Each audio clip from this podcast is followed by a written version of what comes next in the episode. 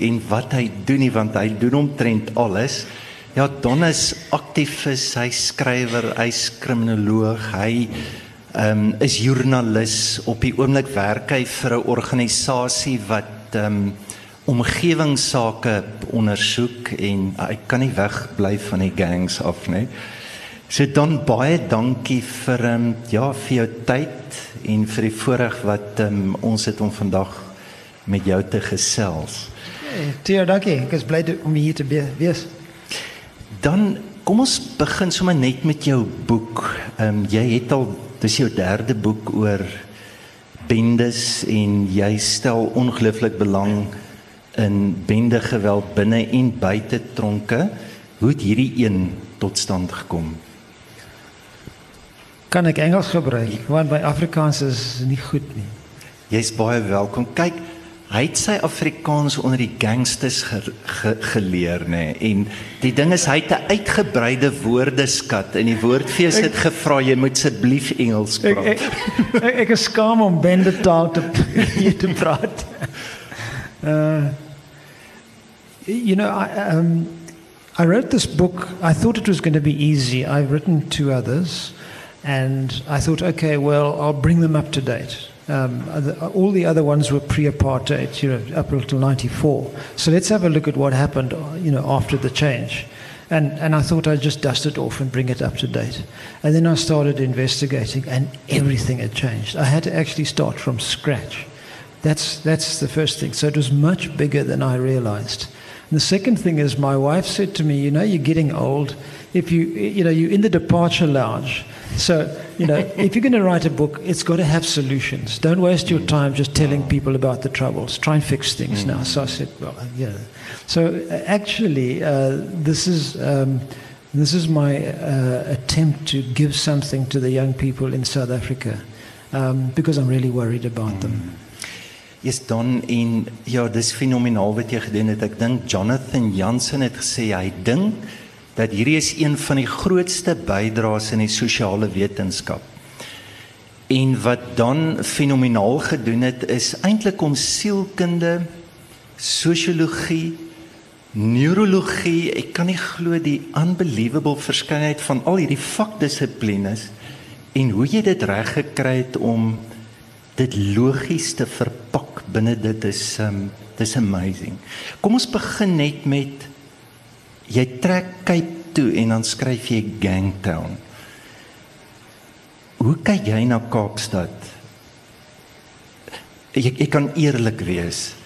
Kyk, dis een van die wonders van die wêreld en dit is blink en is mooi, maar ons moet hom ook doodtrek.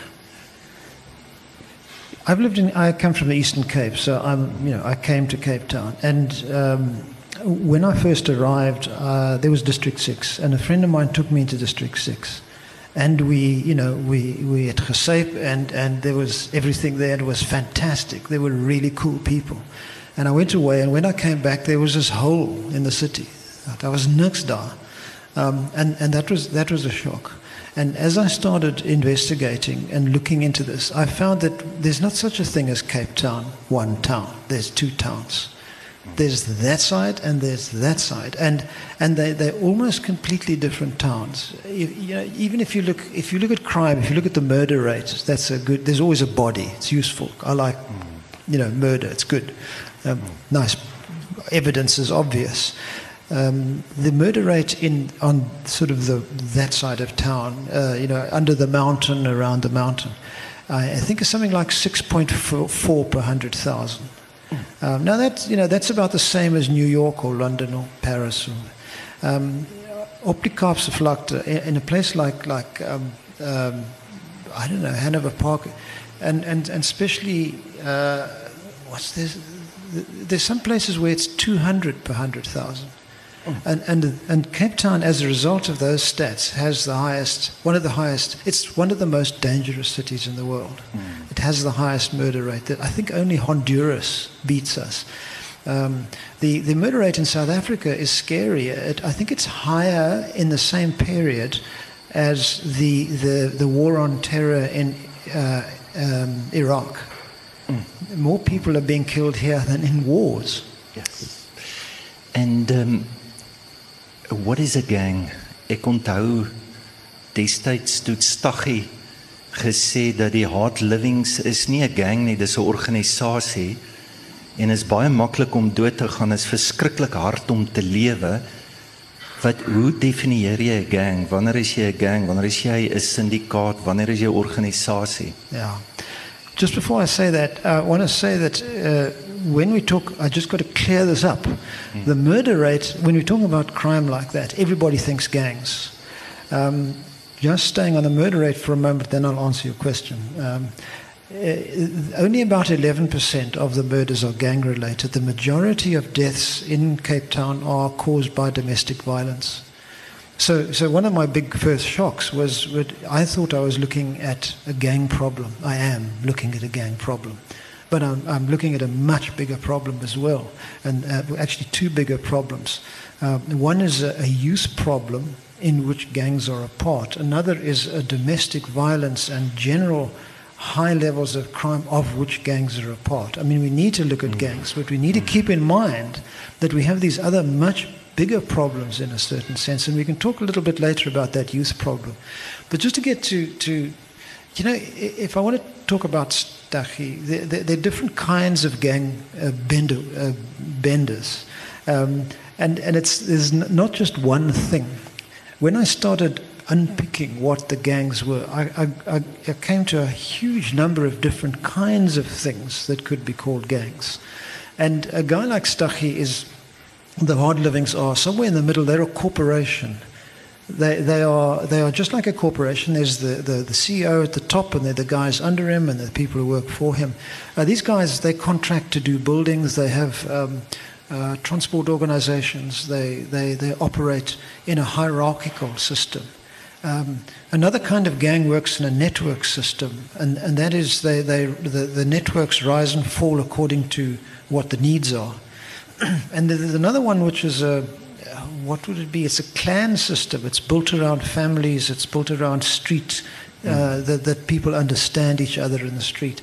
So that's just the beginning of an understanding of the difference of gangs. Mm. But then, I mean, you, if you if you take a definition of gangs, um, I mean, my definition of gangs is very easy. Uh, it's a group of people with common interests who who meet together for common purpose, right?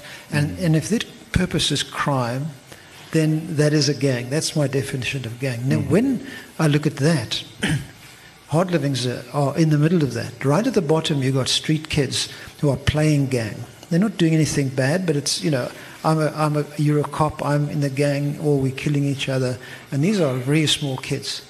Um, and then you get the, the um, what I call warrior gangs. They're largely kids who, who are in Khayelitsha and places like that, the Amavurus, the Amavatos. Um, and these are teenagers, they're 12, 13, 14, 15. Uh, this uniform is a school uniform. The weapons are carried in school bags, and they actually attack each other, and they have, they, you know, they kill each other. Mm. Um, but it's all, uh, it's all around masculinity and and viziman and and who's on top. Um, the, but, but you know that's that's a particular kind of gang. The the Staggies and co are are kind of their merchant gangs. They, they're buying and selling. That's what they're doing. Mm. And that's where a lot of the crime comes from. Because if you're buying and selling drugs and things, you need, there's a territory. You can sell in it, but you can't sell out of it.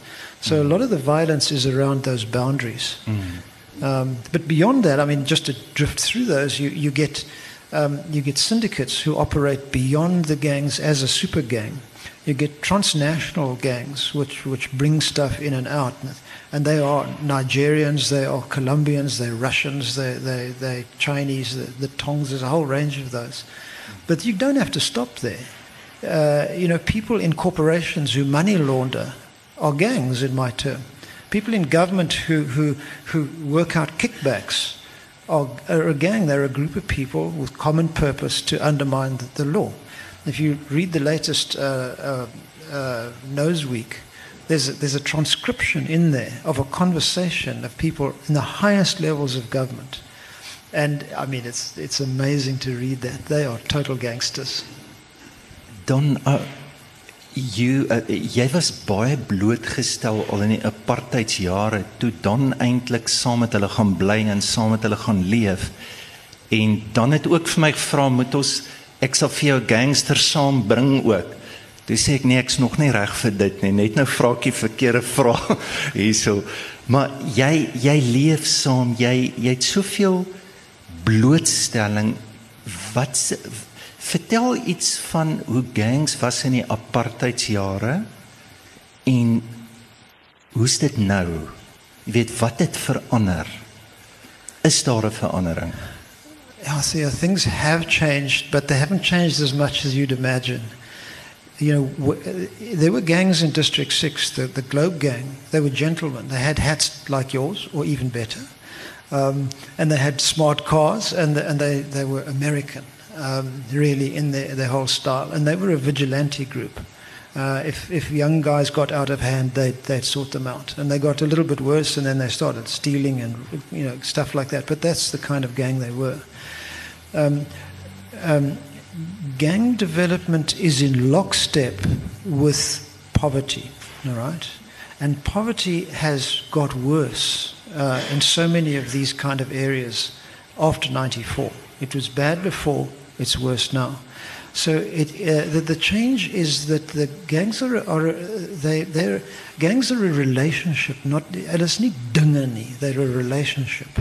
And, and as the, the situation around them changes, that relationship changes. And, and so the, the, they're very influenced by what's happening around them. We have an education system which is falling apart, and we can talk about that a bit later. Uh, we have poverty which is increasing. We have an in migration into Cape Town, which is one of the highest in the world. So there's, there's overcrowding. Um, and we have a drunks, drug situation here. Uh, the, the, the, the, the, the, the illegal drug trade in, in this country is estimated at 23 billion rand a year. So we have a massive industry, and a lot of it is centered in Cape Town. So the changes are that they've got bigger, they've got smarter, they've got international connections, they've got connections right into government. Uh, uh, Zuma is said to have uh, had a meet, meeting with the gang leaders at one stage, facilitated by uh, Mark Lifman, one of the I won't even. My, my life is at risk, so I won't mention what Mark, Mark Lifman does. But um, so you know, that's the change. They've they've got more professional. Dan kom ons gesels oor, jy weet, wat ja, wat is nog oorsake? Armoede, sosiale omstandighede. Wat wat trek veral jong mense in dit in? Why young people pulled in? Mm. That's a big question, Theo. It's a big question um, uh, because because all young people, uh, all teenagers, like the situation in which gangs are. What are they? They they they they they're something which pushes against the adult world. Um, they're places where you meet your, your bra and your friends, and, they, and, and you have to do performance to make sure that you cool. Uh, cool is a huge thing with gangs, but it's a huge thing with all teenagers. And you've got to have the right stuff. You've got to have your cell phone. You've got to have your right clothes. You've got to look right. Uh, so there's a whole range of things that the gangs are just an extension of what teenagers normally do. And, and that's interesting because gangs could be a way to find a solution to gangs because if you keep kids in the, the, the if, if you have all of those things within your solution, uh, which is in a gang, you're starting to take kids beyond gangs. But that's, that's, that's another debate. Um, but there are other problems which, which uh, were, were quite a shock to me. And, and one, one is fatherlessness. You know, um, yeah, I had an organization that, that has taken thousands of kids, uh, mainly young men, through uh, ritual processes. Every single one of those young men had a father problem absent, violent, uh, undermining, stuff like that. One third of the kids in this country have been brought up without, within a single parent family, largely by a mother. Mm. So, uh, you know, a, a, young man who, who doesn't have a father, particularly, is, is, is ashamed. Inside deep, he's ashamed. I, I wasn't good enough to be loved. And, and, and in the teenage years, that shame mixes with anger. And that, that fear, that, that shame anger mix is a toxic mix. It's dangerous, especially when you've got a gun in your hand. Um, so the father problem is a big one. The mother problem was a real shock to me. Uh, I, you know, mothers in my book have always been the goodies, and they still are. They're wonderful. You know, mm. they bring up the kids when the fathers disappear. But there are problems. There, there, there are big problems, and, and, and, an area I didn't expect to get into was, was epigenetics, mm. um, which uh, my daughter did genetics, and her her um, her textbook. She gave me a textbook. She said, "You want to know about genetics? Here it is." It didn't even mention epigenetics, and it's only five years old. That's how new a discipline it is. And and what epigenetics is, just to, to try and describe, because as a journalist, I have to make things simple. I mean, I, I have to kind of boil them down until I understand them. Um, and, and what it is is that we've always known that, that there are two strands that make a cell which makes a person, and that's the father's DNA and the mother's DNA. All the information is daar in, and it comes along and it's, it's a person. Um, and that is how we understood genetics. What they've just discovered recently is that the cell wall is a baie slim ding. It's got all sorts of little ways of getting information in moment by moment, the chemical information. And it takes that information and it passes it on to the proteins within the cell and says, go to the DNA and make a head, make a, make a brain, make an ear. Um, so what we've just discovered is that, that day, moment by moment information is actually part of the construction of a young person from cell all the way up. It's happening, it happens all the way through uh, the nine months, and it happens for two years after that. The first thousand days is important because the genetic structure is being created in that time. Now, keeping that in mind, what happens if the mother's drinking? What happens if she's taking drugs? What happens if she's hyper stressed? What happens if she's food insecure, doesn't have the right vitamins and stuff like that? That is all information going in. Now, that doesn't damage the cell, it doesn't damage the, the, die kind. Um, what it does is it tells that that child that there's certain conditions it's going to have to deal with in life, rough conditions. And and and what does that mean chemically? It means that it's going to say to that kid, it's going to build it around more dopamine. Dopamine is the, the, the fighting gene. It's the go out and get the stuff. Um, it's, it's, it's sex drive, it's uh, aggression, it's all of those things. Serotonin, what hierin sit, just behind your eyes. Um, serotonin in the forebrain, the prefrontal cortex, is the stuff that says, take it easy, step back, think about this. Now, what happens in that transition, that prenatal and early postnatal transition, um, is that these kids get more dopamine and less serotonin. And that stuff comes out in the teenage years. They become fighting kids. Um, and and, and, and, and they, they have learning problems at a certain level because they don't take time to, to think about it. They just go, they're high energy. Um, Oscar Pistorius is my perfect example of, of, a, of a dopamine kid incredibly good at going for it, but, but that reflection process is not so good. Mm. Um, and, and so that's, that's another thing that I didn't think I think I would have to learn epigenetics or genetics to understand mm. this stuff. Mm. But there are long range studies coming through uh, from New Zealand and, and from Holland and, and in the States. They've been tracking um, people from pre birth through for 40 years, 35, 40 years. And they finding that, that, that early, those early years, if there are certain conditions in those early years, like I've been describing, the, the chance of, of um, people, young people, getting into trouble with the law, dropping out of school, is something like 60 to 70% higher. Mm. En dan, ja, yes, dis verskriklik om dit te hoor want jy weet nou sit ek en dink hier kom hierdie arme kind wat so geprogrammeer is in 1213 met daai belangrike oorgang na adolessensie toe kan jy weet kan hy gehelp word. Jy weet as daai programme daar geskrywe is wat is jou ondervinding met um, kinders wat jy daar probeer begelei? Ja.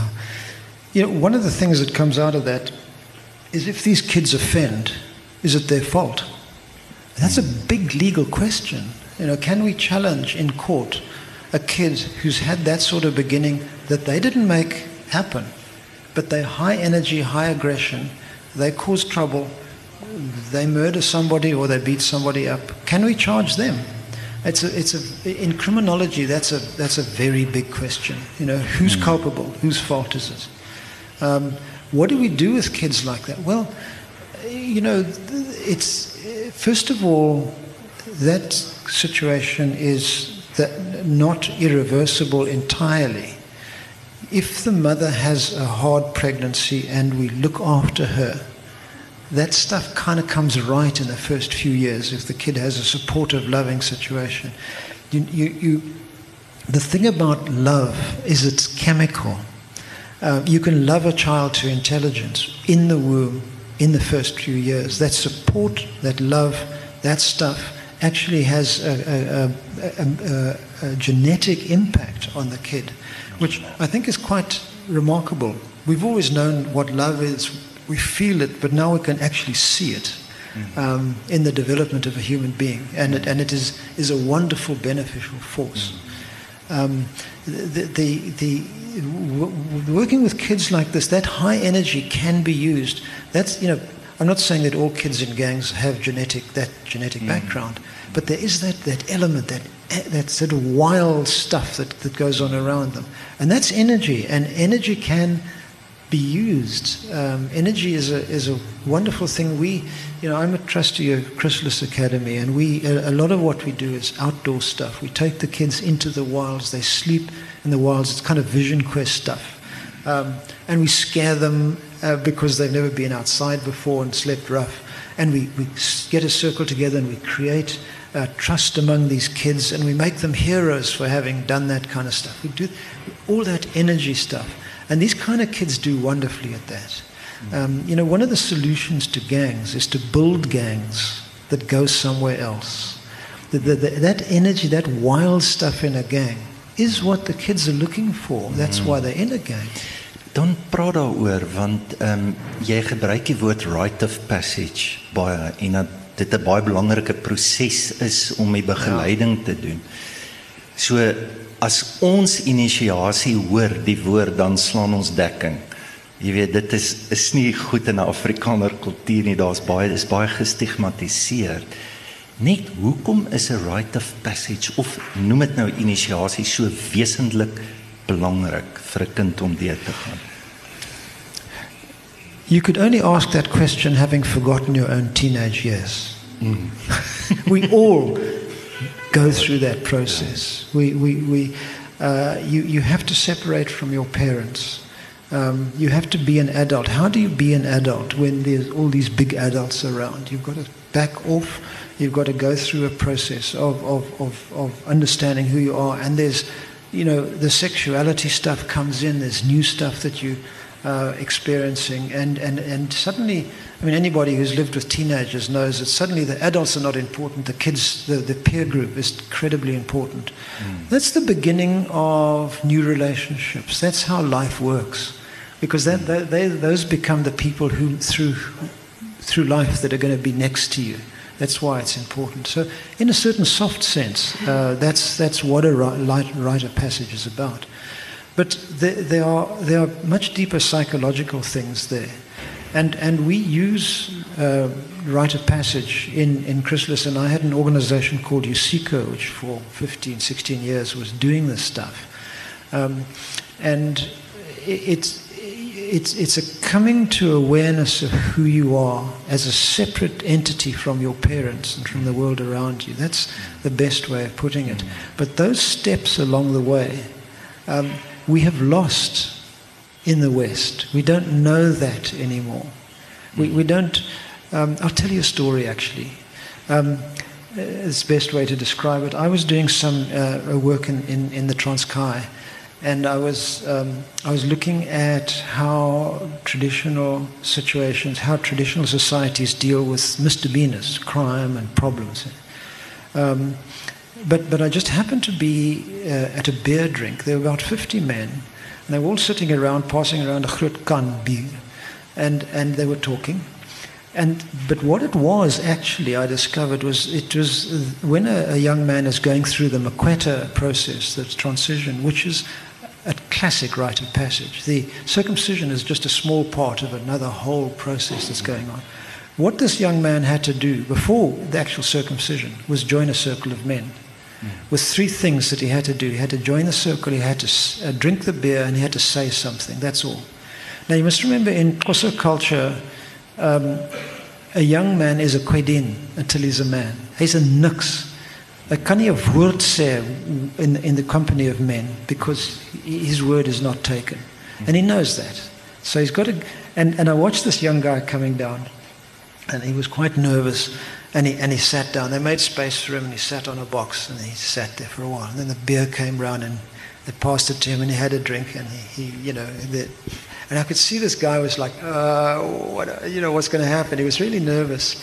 Um, and finally, after a long time, he said something. I don't know what he said because my toss is not that good. And 50 men stopped and went, hey, that's right. Ege, yeah, you are right. And, and, and, and they carried on talking. And I was watching him. He became a man like that. It's the most chilling, thrilling experience I've ever seen in the transformation of a human being. His whole body changed. His, his, the way his face formed itself, uh, the way he sat up, the way he became part of that circle. And, and that was one of the beginning processes which got me to explore transition uh, in adolescence. And what is a rite of passage that has that level of power to transform somebody? Uh, it's affirmation. What is the value of affirmation in this process? It's profound. These kids need affirmation, which is why the absence of fathers is such a problem. They need social affirmation. Um, and we don't give it to them. We don't give it to them in school. We don't understand that process. And when they, they demand affirmation with a knife or a gun, we put them in jail. Is dankie dan dit dit help my om om dit te verstaan veral toe jy nou die storie vertel van jy kon sien iets klik in daai kind. Ja. En ek weet, ek kan nie onthou wie dit was. Ja, het, ek dink dit was Richard Rohr. Hy sê as hy nou praat oor inisiasie, this is not psychology. This is cosmology. Weet jy, dis nie is nie 'n proses wat jy werk op 'n kind dan word hy iets nie. Dit is hoe ons gemaak is. Soos 'n dogter wat begin te menstrueer. Jy kan eintlik, jy kan dit net affirm, maar daar's 'n outomatiese klik in die kosmos. Jy weet met dit. Dan 'n ander ding wat ek baie aan dink, die rol van godsdiens in gangs. Ek onthou destyds met Staggie was een van die groot bekommernisse toe hy bekeer en hy gaan van kerk tot kerk en hy preek. Ehm um, so God en gang dis in die mix wat hoe werk dit? Well, you know, first of all, they say there's only two ways to get out of a gang God or a bullet. Um, mm. And that's true. Um, You know, Theo, the, the, interesting thing is that, that religion and gangs are a ritual. Uh, you know, uh, there are very formal rituals in religion. They, they are steps, they are paces by which you go through a process. The, the entrance into gangs is very ritualized as well. Um, so, so ritual is very understood by young people in gangs. And that's made deeper by the prison gang system. Um, uh, just make a, let me make a bubble like this. The, the, the, prison gangs are the 26s, 27s, 28s, are very old gangs, over 100 years old. Um, they are in, super ritualized. Um, they, they, are, they are they're military rituals. They, they're generals and sergeants and policemen and all sorts of things. And they, those tjappies that they have are actually indications very often of their rank. Don, vertel ons net, wat is it, 26, 27, 28? Uh. That's a 28. Okay. Five and three. Uh, you know, uh, uh, they, they, they, they're gangs which uh, formed in prison because doing time is having lots of time. Mm. Uh, they come out of uh, the Boer War, actually, the Anglo-Boer mm. War, the, and that, that, time, the uniforms and stuff. And I won't go into how they were formed. They're just, you know, there's a whole history. There's a whole mm. big fat book by Charles van Onselen about the formation of those gangs. Um, but but the, the 28s are, are, are a gang that, that, that uses sodomy. They can have sex between men. The 27s are the, the, the, the sort of roof. They, they, they, they, can, they, they steal and things like that. And uh, no, the 26s. And the 27s are the police. Mm. Um, that's how it works. There's a kind of difference. And they're very fierce um, entrances, a lot of stabbing and stuff like that. Um, but the point is that at a, uh, those, those were entirely inside the prison. They didn't come out. That was a, and in, after 93, lots of international gangs came into the country. That's what happens when a country's in transition. It's woelerig. And, and, and, you know, business comes in, but international crime comes in. So all the gangs in Cape Town that, uh, that were selling drugs and various things suddenly had an opposition from, from tongs and, and mafias and all sorts of things. Uh, and what they did is um, they pulled in the military gang ritual out of prison into the process of the streets. They, they pulled that military process in and used that ritual process um, to uh, push out the foreign gangs. They just killed them, or they pushed them out, or they stole the money, or they, they, it, it became a very, very fierce and unrecorded battle in the 90s between the foreigners and the locals. And, and, that's, and, and that, that deep ritual that is now embedded in the gangs is almost religious. It's, it's, you do not go against that. It's, it's, uh, God is the general, you know.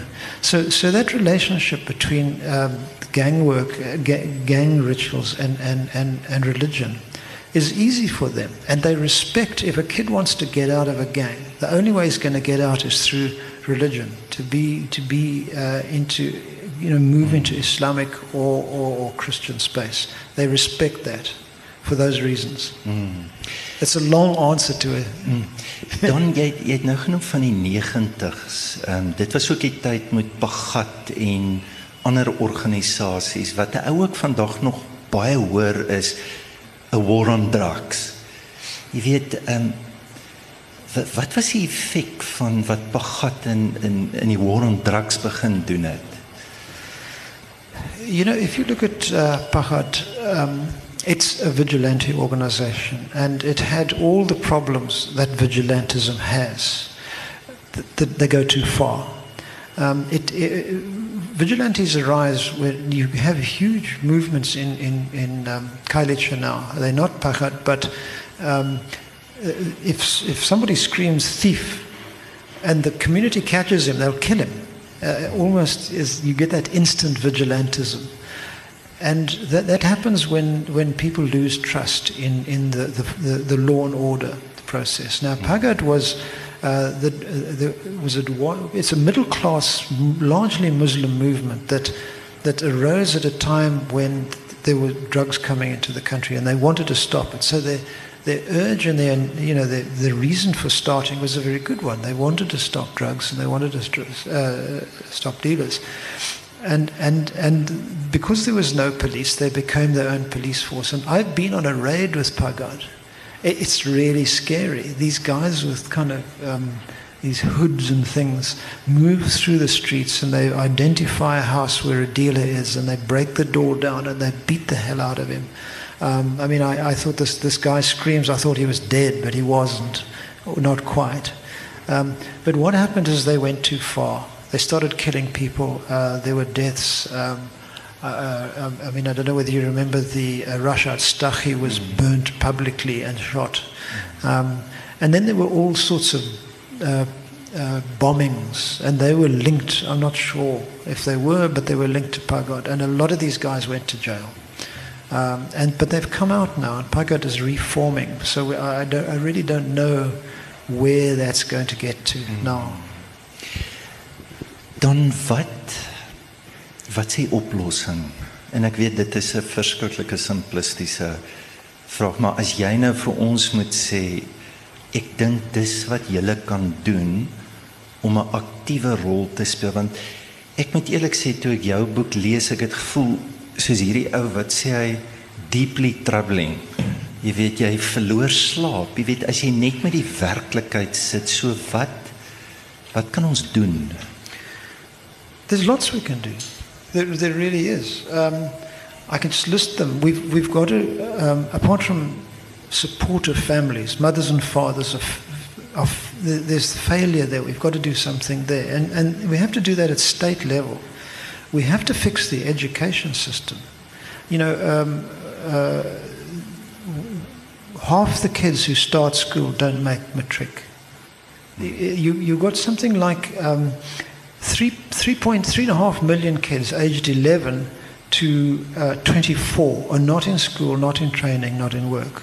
They're in the streets. I mean, that's, uh, that alone tells you what gangs are. Uh, 317,000 are in Cape Town alone. 317,000. I'm proud of the 200,000 of those who aren't in gangs because, you know, it must be very, the urge must be very strong to be in gangs. So, so you know, we have to fix the education system. And uh, just, just let me say that um, I know how to fix the education system. The, the education system we, we're using is, is neck up. This Kopgoed, the, uh, you know, it's, it's, it's, it's built around neoliberal Western concepts mixed with Victorian uh, pillars of what we should learn. And it's, you know, it, it's largely nonsense. The kids born today are, are only, they, they're going to retire um, when? I mean, uh, they're going to retire in 2083. We don't know what skills they'll need. So we've got to fix the education, and there's only two things that you need to teach. At The, you know, you, they've got to be able to read and, and, liter- uh, and, and, and use numbers. One is a love of learning. We, we teach people what to learn, but not how to learn. And if we just taught them how to learn, they'd teach themselves largely. They would find the interest to do that. The other is to stay healthy, just have a, a body that works. You know, I, I, um, I was in the dom class at school. Uh, all my friends went and did Latin and all these things, and, and I was the guy that did woodwork and metalwork. And, and yes, I liked it. I mean, I didn't, I did, I went to school because I was building things, and I was on lathes, and I was, you know, this little guy with, with a massive lathe, and and if you leave the, the key in the chuck, it goes through the roof if you switch it on or, or your head. There's this massive lathe, and I'm making something. You know, I'm in control of this machine. Um, it was a beautiful feeling. Everything else at school, apart from English, which I loved, because I had a nice teacher, was rubbish. Um, we, we have lost the, uh, the, the, the, the desire in school to teach hand knowledge, hand wisdom. We're losing that. Increasingly, we're going neck up. And, and these kids are bored at school. And, and the trouble is that, that hand skills are being downvalued. If you, if you have head skills, you can become a professor or a doctor or a teacher or something. And that's cool. That's good in life. If you use your hand, you're a plumber or a carpenter or something. That's, yeah, it doesn't have value. That has the value of the future. The future, and I have seen the future is that we're going to have factories full of people on laptops or computers doing things. And the people who earn the money will be the people who fix your car, who build your house. Those are going to be the guys. You know, that is the future. So mm. the education system's wrong.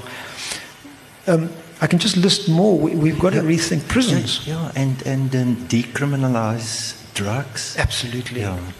Let me, let me talk just about say that. something about that. You know, the war on drugs has failed, Theo, and it's, it's shocking. We've spent billions of, of, of dollars worldwide, and, and thousands of people have died as a result of this war on drugs. And I don't think drugs are a good idea. I don't think we, people should take drugs, but they do. Um, and uh, the, the, half the people in our prisons, half the clutter in our courts, half the criminalization of, of, of people on the streets, and probably two thirds of the kids that are getting picked up by the law, are, they are drug linked crimes. And, and, and um, you know, uh, I, I, was thinking, we, we, we, this is ridiculous. Uh, you know, there are drugs, they're not that cool, but we're not, we're not fixing it. We haven't got the solution. And then I discovered Portugal. Um, you know, Portugal decriminalized drugs uh, in 2002, and the whole EU said, "You crazy? I mean, this is going to be the drug center of Europe." It now has the lowest uh, drug offense and, and, and, use in Europe. The reason is that uh, you can have up to 10 days of any drug. If you have more, They take you in, not to the police station, to a sort of therapeutic center, and they say to you, What are the problems in your life that make you need to take drugs? Because what they discovered is that the reason most people take drugs is sadness. Just that. It's amazing. They, they're using drugs as a chemical hug for the failure of relationships around them very often. There's the thrill drugs and the ecstasy drugs, and that's, you know, they tend to pass. Um, so I think that we could decriminalize drugs and then manage it as a health problem. Um, reduction of harm is more important than imprisonment of offenders. Mm. We could fix it by, by decriminalizing mm. drugs, but we need a decent system like Portugal has to deal with those problems. Mm. Dan die laaste vraag en dan kan julle nou lekker saamgesels. Ek sien hier's 'n paar predikante ook. So help ons wat kan 'n geloofsgemeenskap doen met hierdie kinders en met bende geweld? As jy ons raad moet gee. Jy's ons dominee nou. What do we do about them? Ja. Wat kan kerke doen? You know, churches are an important part of the solution. I don't think they know it, and I don't think they go far enough, but they could. They could. Um, and, and, and really, it, let me start with a story. Um, you know, the, at Chrysalis Academy, where, where I'm a trustee, uh, a lot of kids now come and want to be part of it, and they get interviewed. And this, this one woman was telling me that, that a, a young guy, tough looking 18 year old, came along and he sat down. And she said, Well, tell me about yourself. And he starts talking and he got up and he walked away. And she went like, What happened? You know, what, did I say something wrong? I hardly said anything to him. Anyway, she carried on and finally he came and sat down again. And she said, What did I say wrong? He said, Nothing. Why? So she said, well, Why did you get up and walk away? Ah, he said, nobody's ever asked me about myself before. I didn't want you to see me cry. Sure. So, what the churches need to learn and what organizations need to learn is that there's very hurt kids out there that are looking for that kind of engagement by older people. And we give them, we criminalize them and we, we, we label them, but we don't give them that, that that acknowledgement and love that they require to be whole. What, um, what I've discovered along the way, I was, I was looking for a, um, a path that, that, that I could say something in this book um, and say something to Chrysalis, because in a way I'm a consultant to them. Uh, what is that process? And in looking for that path, I found it largely within the religious framework. Um, and, and, and what is that path? The first thing is that, um, is, is, uh, that somebody has a crisis and they, they, they are shaken by this crisis and they look around for help. Very often, these kids are shaken by a crisis that is a family crisis and they find a gang. Now, that, that shaking up is a psychological shake up that opens them to the possibility and a desire and a need for new things. The second part of that process is, and this is what a church provides, is a mentor, somebody who says to them, I hear you, you are here, I acknowledge you, and I will walk this path with you. That's what they need because very often, it, even if they have a father, it can't be that father. You and I will probably remember people who did that. Everybody will remember somebody that did that for you. Um, and and the, the, the next thing is that, that the, the young person has to do things that make them look good in the eyes of their, their the anakinas vadrontal is. You, you, uh, in your peers, you have to look good. So you have to perform, or there needs to be performances that you go through that you shine and look good uh, with. Then there has to be, and linked to that is there have to be rituals. Young people love rituals. I mean, if you wonder what the clothing is, what the right colors and the silver, that's all ritual, actually. It's modern ritual. And the things and the language they use, it's all ritual. Teenagers are ritual makers. So you have to, if you have some program, the church has ritual. Church is all about ritual. And um, another thing is, is quietness. You have to, there has to be a time where you sit down and go, What the hell am I doing here with my life? You, you, there has to be a space. Life is going so fast that, that, that people don't do that. They, they, they run, run, run, and they go to sleep, and they wake up in the morning and they run, run, run. They don't have that time for reflection. Now, a church has the possibility of providing that space. Mm-hmm. All of those things the ch- churches, and, and, by church I, I, don't mean Christianity, I mean all religious mm. systems, because they are hundreds and, in fact, thousands of years old. They, they, they know those processes, they, they, they have, those processes have been developed for, for so long. Um, if you work all of that in the right way, if you consciously understand what you're doing when you're doing that, I don't think the churches consciously understand that they're doing that. They just kind of do it because that's what they've been doing for so long. If they put together programs around that knowledge, um, the result is what I call epiphany. Epiphany is that just get it, as you said. Mm. And, and you know, um, we've watched kids just get it, and it's chilling absolutely chilling. And I'll tell you a story about it. Um, but but uh, that, that whole process is, is what we could and should offer kids. Um, but the institution's education is not offering it, though it offers a little bit of it. Churches mm. is not, are not offering it, though it offers more of that.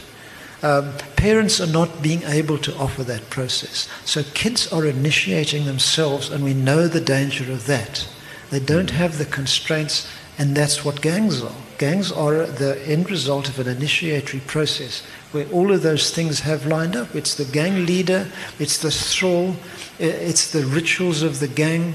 Um, you know, it doesn't have the quiet time and it very seldom has the epiphany, but it, the gangs are the first three parts of that process. Mm. If we mm. consciously understood how we could do this in churches, in school, um, we would take kids to a very powerful and interesting place. We do that in Chrysalis. And, and it works. Dankie. Don um, namens ons almal verskriklik dankie vir um, ja vir jou tyd maar ook net die manier en die bietjie wat ek vir jou kon leer ken jy is so gentle en so sag en maar eintlik so hard ook ek vra vandag vir hom Ehm um, Jesus gaan jy nie in die moeilikheid kom met die goed wat jy nou doen nie met die ondersoeke. Jy sê ek is net te oud vir die goed. As ek nou moet gaan, moet ek gaan. so. Nou in um, Don se boeke is daar, ek kan net vir julle noem hierdie ehm um, is 'n fantastiese stuk. Ek weet nie of julle kan hoor hoe hierdie man praat, maar hy's 'n woordsmid. Hy hy het regtig mooi woorde. Hierdie boek is so geskryf ook. Ehm um, hy het die City Press Tafelberg boekpryse gewen. Dit is ehm um, ja, gee dit vir iemand wat jy dink dalk iets daarmee regtig kan doen. Kom ons gee vir hom 'n lekker hande klap.